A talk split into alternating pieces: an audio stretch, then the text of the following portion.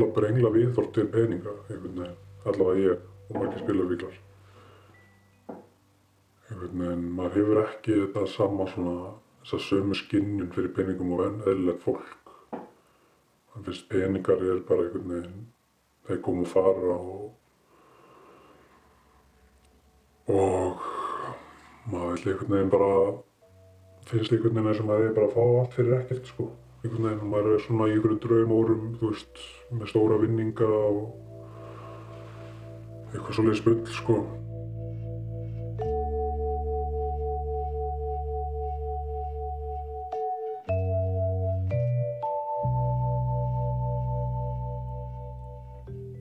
Þetta er hann Siggi.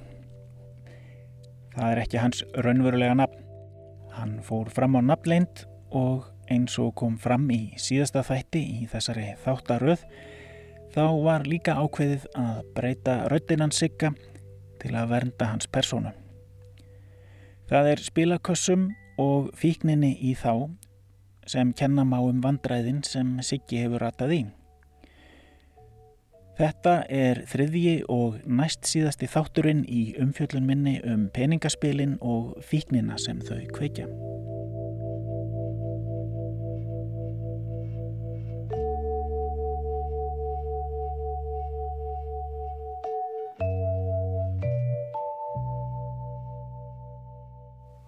Aldrei kunnað að fara með peninga, þú veist, bara, það er kannski ekki skrítið það sem ég hef spilað víl, en, en þú veist, það er bara svona almennt séð, einhvern veginn þá hef ég aldrei borið virðingu fyrir peningum.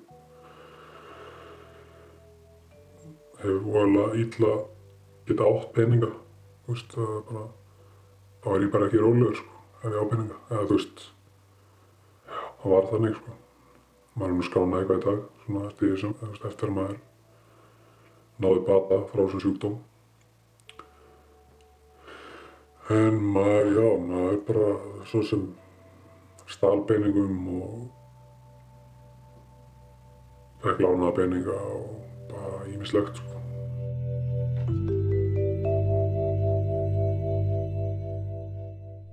En við þurfum alltaf að byrja að tala um það er ekki eðlilegt að unga fólki okkar sé að leggja peninga undir veðmál alla daga.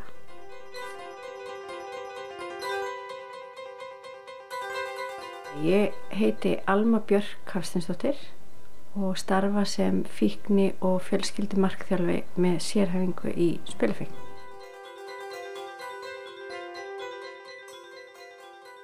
Þegar við sjáum skaðsemi af spilafíkn eins og hún er að sína sig í dag, þá hljótu við að bregast við og við hljótum bara sem samfélag að vilja fyrirbyggja. Svo verðum við, við, sko, við verðum alltaf með einstaklinga sem að hérna, vilja ekki hjálp. Og, hérna, og þetta er eitthvað sem að hérna, saman hvað við gerum að þeir halda alltaf áfram. En svo er sko mæli hvaðin getur verið svo margvíslegur. Það er ekkit endilega alltaf að við komum til hætti alfarið að spila uh, mælikværin getur líka verið þú veist að skaðurseminn afleðingarna verði minni. Og ég hef séð tölur varðandi sko sjálfsvík hjá spilafíklum að einna hverjum fjórin til fimm spilafíklum íhugar er að gera tilrönd til sjálfsvíks það er rosalega hátt hlutfall. Og það kemur til af til dæmis þessum þætti að sko hugafastlega hefur þetta svo gríðarlegar afleggingar þú veist, gæðveikin hún verður svo óbúslega mikil innra með einstaklingum og ef að við getum minkað skadan þar bara það að til dæmis uh, einstaklingurinn er ekki með þrálatar hugsanir um, um að taka í líf þá hlýtur það að vera árangu líka við talnum ekki um þú veist að hann er ekki að gera tilhörun til sjálfsvíks að hérna þá er það árangur. Þá hann hætti ekki hann til að alfari að spila. Þú veist að ég held að það er mikilvægt við horfum ekki bara á þetta sem eitthvað svona svart og hvítt. Annarkot spilar spilar ekkert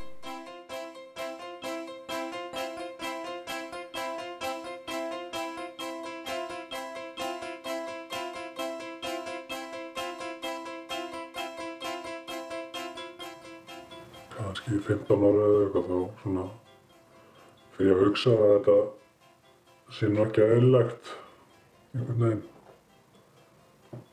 Og ég hafi nú einhvern veginn hafi ekkert mikið um að segja sko hvort ég sé að fara að spila eða ekki sko. Ég er svona áttaði mér á því en einhvern veginn afnitinu var samt sterk sko og ég einhvern veginn bara var ekkert að velta mér upp úr því fannst þetta bara í fín lagi sko. Þegar ég vissi náttúrulega einstinni að þetta væri ekki lagi sko. En afnitunin er sterk sko í, í sterku þáttur í, í svona fíknisjútum ég er laus frá þessi dag en ég þarf að stunda mína fundi og og hérna já, maður þarf að vera tilbúin að breytast. Ef maður ætlar að ná okkur um bata frá þessu og þá er að tilbúin að breytast leggja sinn róka og skoðanir til liðar og fara að vinna í sjálfum sér og vera tilbúin að, já, sem ég segi, bara verða breyttu maður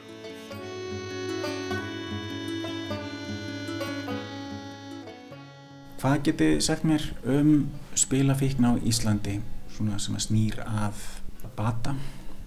Já, það sem snýrað okkur helst hér hjá S.A.A. er náttúrulega meðferðar hliðin við hérna það er mikill samsláttu við aðra fíknir. Þessi sjúkdómar liggja svolítið saman spilafíkn og aðri fíksjúkdómar. Þannig að það er alveg um 10% þeirra sem leita á vóg sem skimast með spilavanda og alvarlegan spilavanda sem krefst úrlausnar á einhvern hátt. Svo erum við líka með göngudeild þannig að fólk getur haft beint samband ef að það er grunur um vanda og erum með meðferðarúræði í göngudeild fyrir, fyrir fólk með spilavanda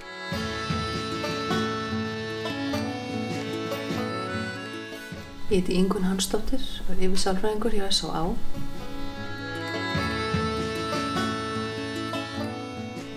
Þessi vandi er oft svolítið falinn, fólk kemur oft kannski frekar til meðferðar vegna výmöfnavanda eða áfengisvanda og hitt er svona bara kannski svolítið látið liggja eftir og fólk er oft á oft erfiðra með að gefa það upp að það sé vandi. Það meiri svona mikil skam oft sem kvílir yfir spilamennskona að missa stjórn á því.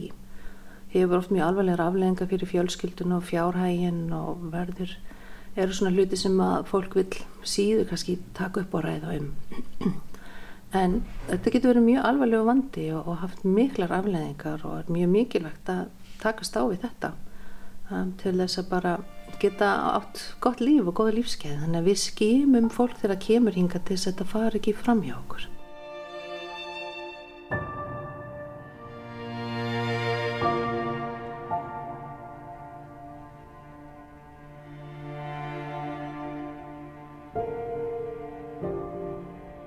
Já og svo náttúrulega verða sko verður við bara sem samfélag að spyrja okkur sko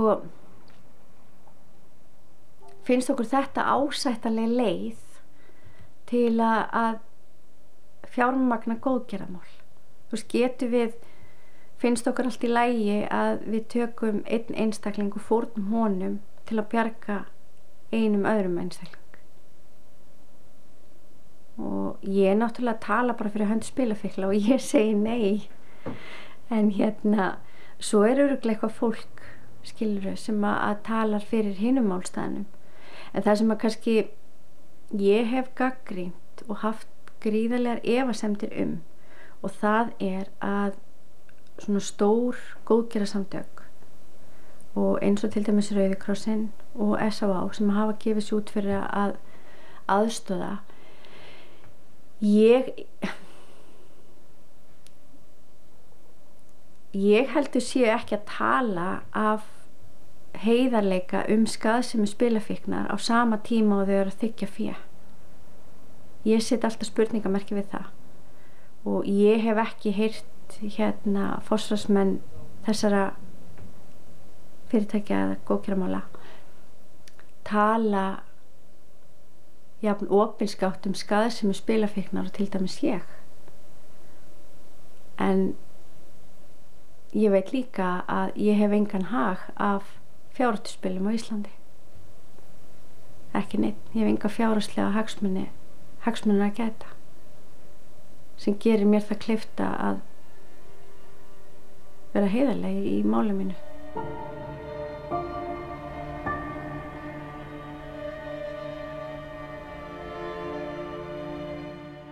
Þú hefur mm, langa hríð haft áhuga á þessum málaflokki. Ef maður bara leitar á netinu þá sér maður að þú hefur bloggað um þetta í ára tíu. Það er rétt. Það má segja að ég hef tekið upp merki Guðrúnar Helgadóttur fyrirverandi alþingismanns og þegar hún hætti þá kom ég inn í þingið. Ég heiti Ámundur Jónasson, ég er fyrirverandi alþingismæður og um skeið dómsmálar á þeirra þar sem að þessi mál heyrðu undir. Og ég fór að kynna mér þessi mál og uh, fylgja þeim eftir, spyrjast fyrir um það í þinginu, uh, hver miklu peningar kæmu þarna inn og hver veldan væri mikið og umfangið. Og uh, áhugjum minn jógst stig á stígi. Það var tvent sem ég tók eftir. Annars vegar að þegar að málið var rætt þá tæmdist þingsalurinn og uh, ég veltiði mikið fyrir mér hvers vegna. Og niðurstaðan var svo að uh, þeir sem að ættu þarna hagsmenn að gætu nýttu svo mikill að vinsalda í þjóðfélaginu og velvilja góðgerðastofnanir, Háskólu Íslands að enginn vildi styggja þessa aðila. Og svo var hitt að það var einhver, einhver tabú sem að virtist kvíla yfir þessari starfsemi. Ég eh, stopnaði til umræðu funda eh, og þetta er á árunum fyrir aldamót með eh, spilafíklum og aðstandendum þeirra. Hitt, við hittumst vikulega í all langan tíma og rættum málinn og þá fór að teiknast upp fyrir mér veruleiki sem að var óhugnarlegur Ég fór líka að sjá í minningagreinum bladana ymsa sem að höfðu sótt þessa fundi. Ég fór að fá ringingar frá aðstandendum sem að vissu um þessa fundi okkar þar sem að fólk var að byrja sig upp við mig með sín, sín vandamál. Þannig það má segja að þetta hafi aukist vaksið stig af stígi. Um aldamótin þá bjóðum við hinga til hans eh, sérfræðingi frá Las Vegas, Arni Vexler hétt hann til þess að varpa ljósi á þessi mál og fá þessa Las Vegas vitt inn í þetta því að spilakassarnir og spilasalirni hér eru náttúrulega ekkit annað en spilavíti þar sem að reknir eru kassar og starfsemi sem er engu betri en týðkast í Las Vegas. Þannig að þetta er svona aðdragandi þess að ég gema þessum málum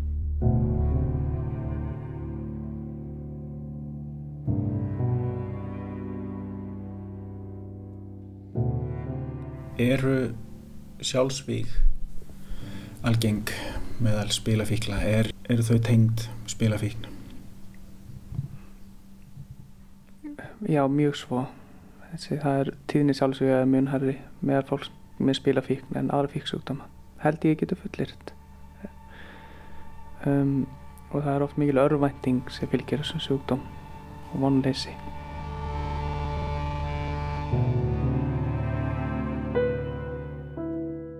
Ég heiti Páll Eðar Jónsson og er sálfræðingur. Jú, þessi hérna, sjúkdómur, hann hefur áhrif á sumu, bara mjög svipi heila svæði og það eru fíksjúkdómar og það er dopamínið sem flæðir um velunabröðin í heilunum og stjórnleysi, það er hérna, framheilin okkar, hann hérna, geta hann til að stoppa mingar og sen er eitt áhugavert og það er þessi hvað þetta verður sjálfvirt og það er nefnilega þannig að, að í heilunum okkar eru við með svona sko, sjálfvirkni kerfi svo kallað og það kemur inn á það að, að hérna, í, í þróunafræðilegu samhengi þá var það þannig að hlutir sem gafu okkur velun, gafu okkur dopamin það var gott ef þeir gerðust sjálfkrafa eitthvað sem tengtist fæðu eitthvað sem tengtist uh, að eignast fyrir afkomendur hvað sem er. Um, þetta kerfi sko spilakassanir og annað sem veik, veitur okkur veljan og gleði og gefur okkur velun er svona svolítið stólið þetta er svona svolítið hijackað. Og það, það, það eigur stjórnleysið ennfremur fólk er búið að spila áður en að veita af sem dæmi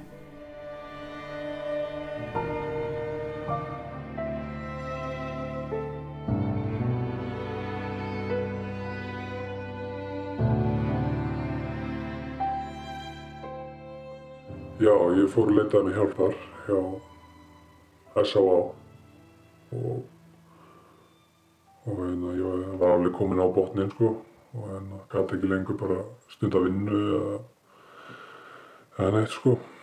Maður var svo þunglindur einhvern veginn. Og sá enga tilgangi í þessu lengur einhvern veginn. Og hérna ég vildi bara deyja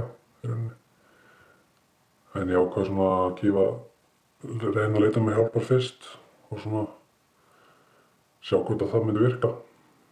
Og hérna sem að það gerði og fór í meðferð og og svo frá því fór ég bæði í AA samtökin og GA samtökin sem að hefur bjargað mér alveg. Og hefur verið bara mikið lausn fyrir mig að að vera í þessum samtökum og eitthvað svona sem mig grunaði ekki að væri neitt fyrir mig sko. Veist, þetta var ekki ég held að það væri ekki fyrir mig sko. Ég væri svo sérstakur eða, eða eitthvað sko. Maður handla bara fulla af fordómum hvort svona edru samtökum sko.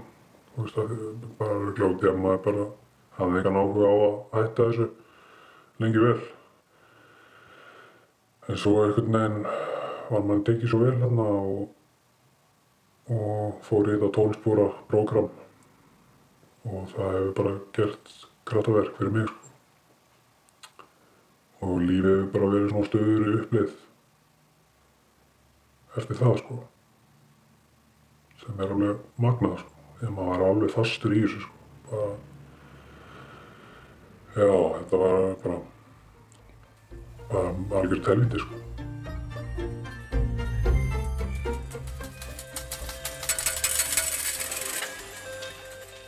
Svo líka er svona eins og hálfgerð áráttu kent hegðun sem myndast og fólk þegar það er að spila það svona sónar út einhvern veginn, veit valla af sér og tíminn verður skrítinn og maður fer inn á þetta, inn í þessa sjálfvirkni og eins og svolítið þrá ekki að áráttu hegðun líka. Þannig það er ákveðsvæði heilanum sem ofvirkjast má segja og tengslinn við stjórnstöðvar sem að strammaði af, það er dopna og eiginlega fara, bremsurnar hverfa. Það er, það er bara anatómian og virkni heilans breytist þegar maður er með, með þennan fíkslutam, spila, spila fíkn.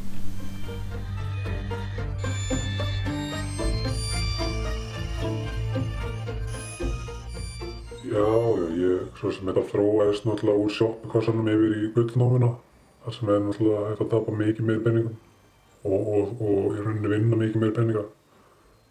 Þróaðist flott upp í það, sko, og vildi eða frekar vera að spila þar eftir enn í sjoppunum. Og,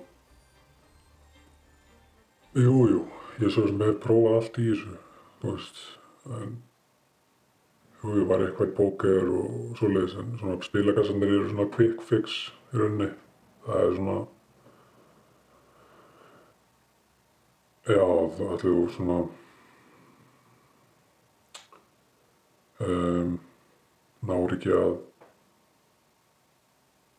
svona fá mestu, mesta rössið út af spilakassum, myndi ég held að, svona af öllu þessari spilamennsku.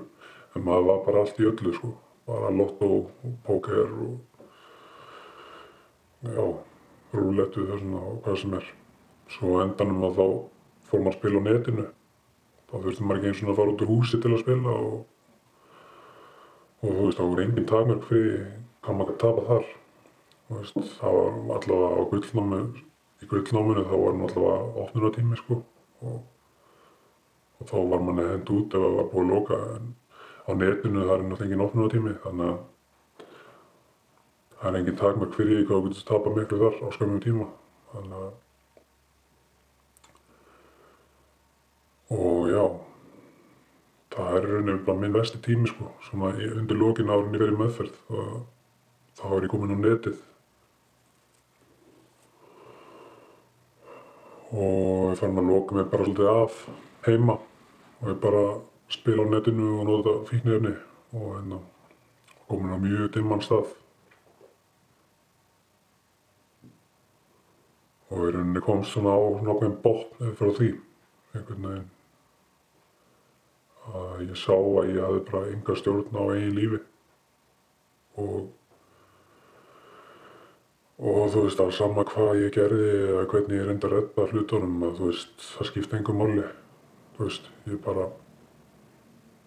það fór allt skilur þú veist, það fer allt í þetta. Það skiptir henni ekki máli hvað ég á mikið af pinningum, það fer allt á endanum. Og ef maður vinnur einhvern vinning eða eitthvað, það er henni bara ef maður vinnur stóra vinninga, það er henni það versta sem kemur fyrir spilafíkil því að þá alveg margfaldast spilafíknin sko þá hérna, já, það var margir sagt af mig að þú veist að þegar þeir fengu loksins stóra vinningin sem þeir voru að býja eftir að þá, þá fyrstur þeir stjórnleysi sko, þú veist, og, og þá fór náttúrulega bara allt, allur svo vinningur aftur í kassan og meira til, þú veist. Man heldur alltaf að sko, já, sko, þegar ég fæ stóra vinningina þá, þá hætti ég nú, þá ástoppa ég, en það er bara, þetta virkar ekki þannig, sko. Þú veist, þá ertu fyrst komin veist, af stað sko, í, í, í, í, þetta, já, þetta helviti sem þetta er. Sko. Tókst þér að vinna einhverjar upphæðir? Ekkert eitthvað sem skipti verulegu máli, sko. en jú, jú, alveg eitthvað. Alveg einhverjar upphæðir, sko. En það fór bara allt aftur í kassan, þú veist, þótt að gera það kannski ekki sama dag.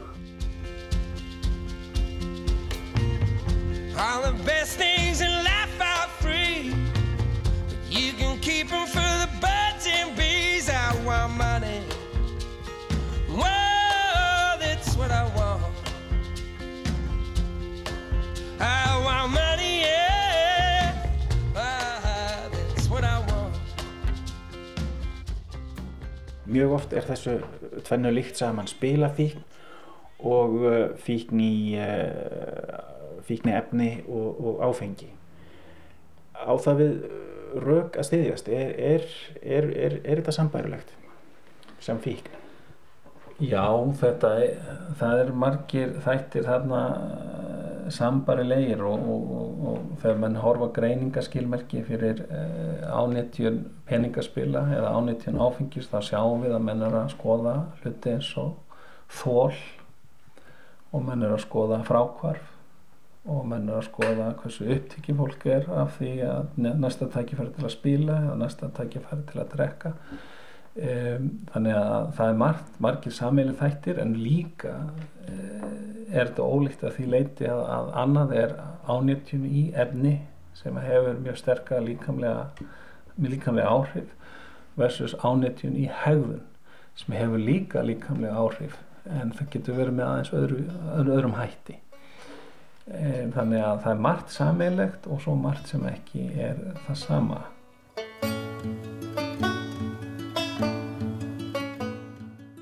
Daniel Ólason heiti ég og er prófessor við Sálfræðdeild Háskóla Íslands. Framleiðir heilin endorfín þegar ma manni gengur vel í, í spilum, er, er, er, þetta er tengt þannig, svona líffræðilega? Já, menn hafa það, menn hafa verið að gera rannsóknir um, og þá sjá menn að líkt og þegar að menn drekka áfengi að þá verður svona aukin virkni í framheilastöðum sem að stýra svona ánægju upplifun. Og þegar að menn er að spila peningaspil þá sjá menn líka sömu aukningu í virkni á þessum sömu stöðum. Þannig að, að því liti virðast þetta hafa áhrif á sömu stöðar í heilanum. Og en auðvitað má það segja um marga aðra hefðum sem að vekur þér mikla ánægju að, að þú við sjáum þá virkni á, líka á þessum sama stað. Eh, hins vegar virðist sá vera einhver breytileiki á milli fólks hversu hversu sterk svo þarf er að endurtaka þessa hérna, þessa ánæði tilfengu aftur, aftur, aftur. Og þá kemur ánýtjun inn í að þú virðist þurfa starri skamt meira af því til þess að upplega þessa ánæði aftur og þar náttúrulega verður er, sjáum við tengsl við, við því. Þetta er eh, flókið samspil eins og fyrir peningaspil. Virðist þetta að vera flókið samspil uh, spiluna, spilamennskuna sjálfar hvað þú ert að spila. Og það er greinlegt að suma tegundir virðast vera tengjast ánýttjun sterkar en aðrar. En líka sjáum við breytileika í hjá fólkinu sjálfu. Og eitt af því sem við sjáum að er svona sterkur þáttur er kvartvísi að þeir sem eru kvartvísir og sjá ekki fyrir um afliðingar gjörða sinna að þeir virðast vera hættari fyrir því að ánættjast peningaspilum heldur en þeir sem e ekki eru kvartvísir sem svona eitt, eitt dæmi um þátt sem er breytilegur hjá fólki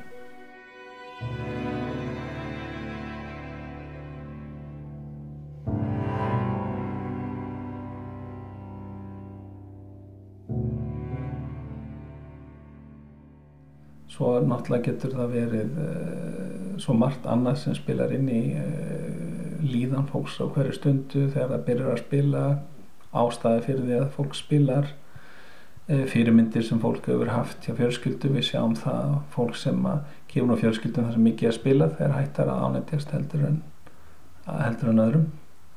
Þannig að þetta er flókið samspil einstaklings umhverfis og spilunar og við vitum en það ekki nóg mikið til að geta sagt til um nákvæmlega hver mun ánýttast og hver ekki. Það vitum við ekki. En við sjáum nokkra sterkar tilhengar sérstaklega er aðeinsbest með áreikni og þá kvartvísi sem er þáttur þar. Til að mynda hef ég sér mjög sterk tengsla milli eh, aðeinsbest með ofirkni og spilavanda og meðal annars rannsvátt sem ég gerða með úlinga árið 2007 sem var mjög langt síðan að þá reyndist um helmingur úlinga á aldrunum 13-15 ára sem að uppfylgdu enginnum spilavanda uppfylgdu líka enginnum aðrilsbjörnsmáverkni þannig að það voru klárlega sterk tengsl sem að rétt er að hafa í huga. Og ef að löst er það hluta því að, að þegar þú stríður við aðtilsprestn og örkni þá er ímslegt sem gerist bæði félagslega í námi sem getur valdið því að, að þú fyrir að sækja meira út á jafarinn og, og, og sækja meira hegðun af þessum tægi heldur en alltaf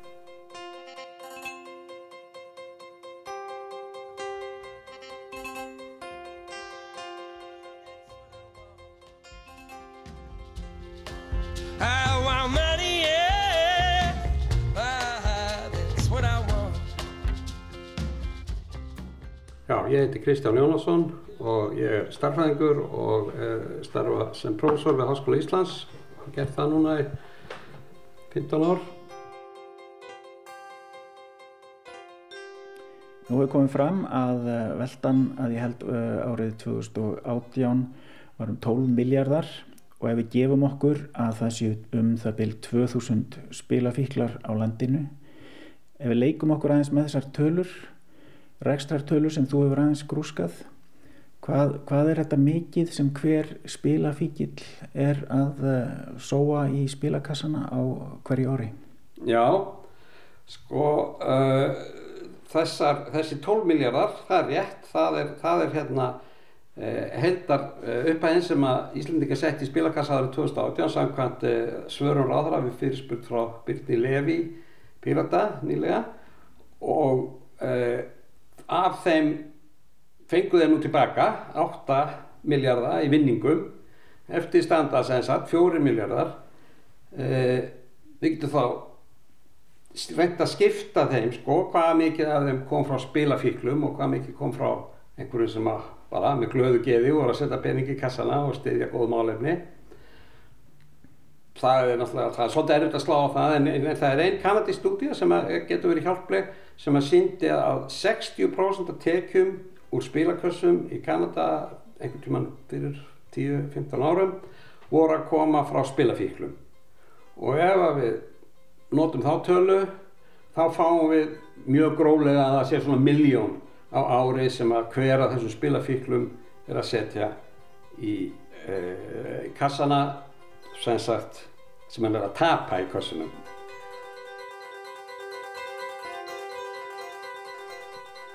Já, það er töluver upphæð að ég myndum okkur bara venjulegan heimilisföður sem er spilafíkil og, og að missa miljón á ári bara í, út í buskana. Það getur hver og einn sett sig í þau spór. algjörlega og, og gleymum því ekki að sko þetta er bara meðalfíkillin og auðvitað er þar á meðal einhverjir sko sem er, er að sem sagt eða miklu meiru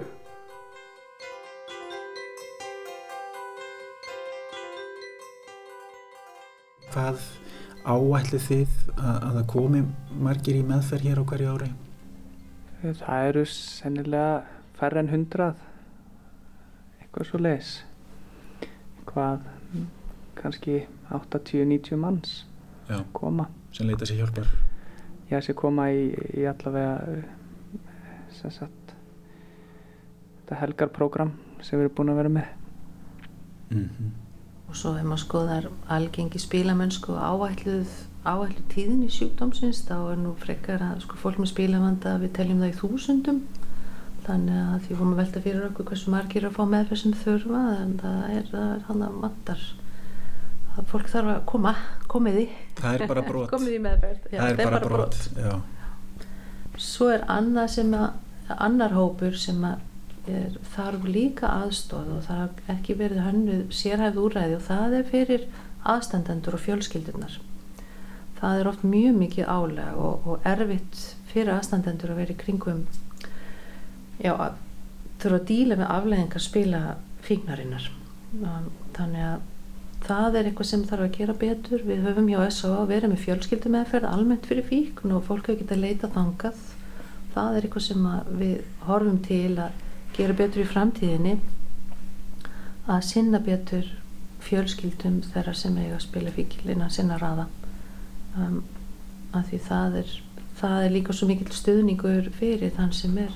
Uh, það, það, það er annar munar oftur á spilamennskunni og an, öðrum fíknum er að það er kannski ekki eins mikill stuðningur út í samfélaginu. Það er, það er aðfundir og það er miklu sko viðkjandar og almennara það að vera með, með áfengisvanda er bara, veist, bara frekar venjulegt sko. Og auðveldar að koma fram þannig og fá stuðning frá umhverfinu. Fólk er svona, skilur ekki alveg spilamennskuna eins vel þannig að þar eru kannski líka fordómar og vantar betra backup fyrir fólk til þess að halda sér góðu í batan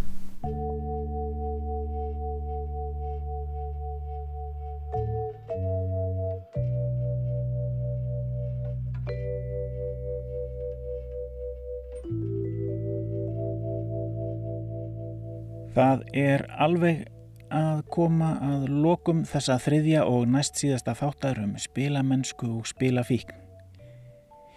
Í eh, næsta þætti, sem verður sá síðasti í rauðinni, ræðum við betur við Augmund Jónasson fyrirverandi dómsmálaráþura um norsku leiðina og spilakortin og við ræðum einnig við Áslaugu Örnu Sigurbjörnsdóttur núverandi dómsmálaráþura um horfurnar og við spjöllum einnig við siðfræðing hjá Háskóla Íslands og fleira fólk sem tengist þessum bransa. Við skulum hins vegar enda þennan þátt á einni stuttri frásögn úr fortíðinni og hversteginum.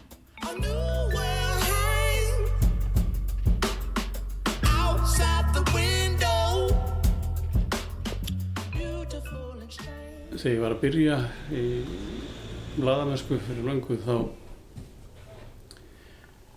var ég pínulítið svona heillaður af öllu tali í mönnum í kringum um fjárhættuspil og að menn getur setið í landfram á nótt og spilað og drukkið og, og grætt penning og menn grættu alltaf mikið en töpuðu litlu. Ég vissi annars ekkert um þetta og fór ekki í, í neitt spilaklúb en, það kunni ég ekki spila og kann ekki enn. Gunnar Gunnarsson fyrirverandi fréttamaður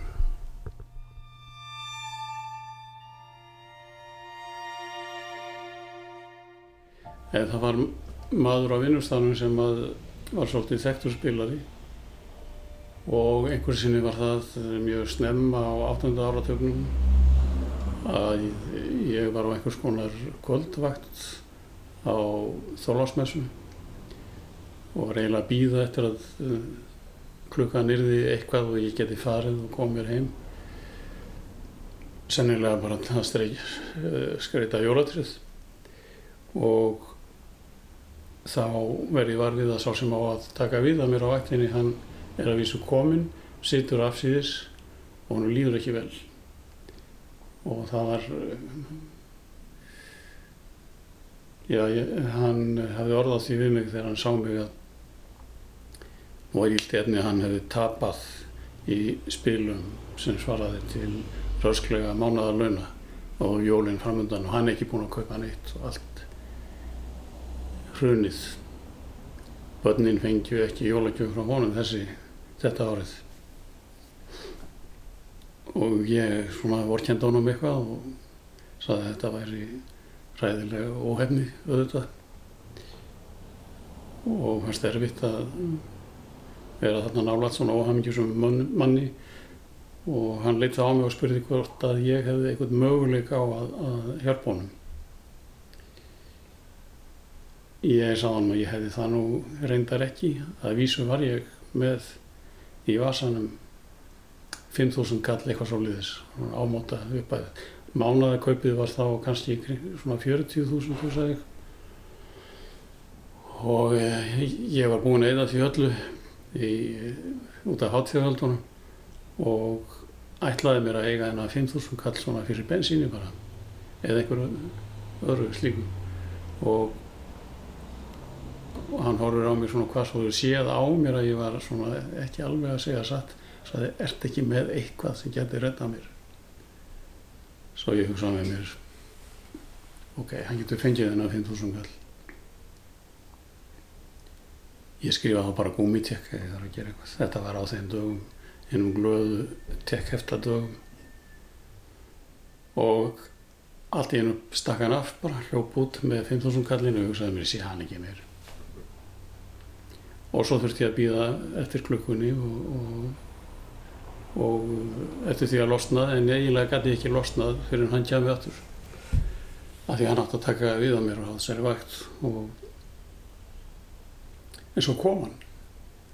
Alveg á síðustu sekundu og er orðin rosalega ánæði með sig og örgur og bara glansar inn gangin og, og bara réttir mér 5.000 kall.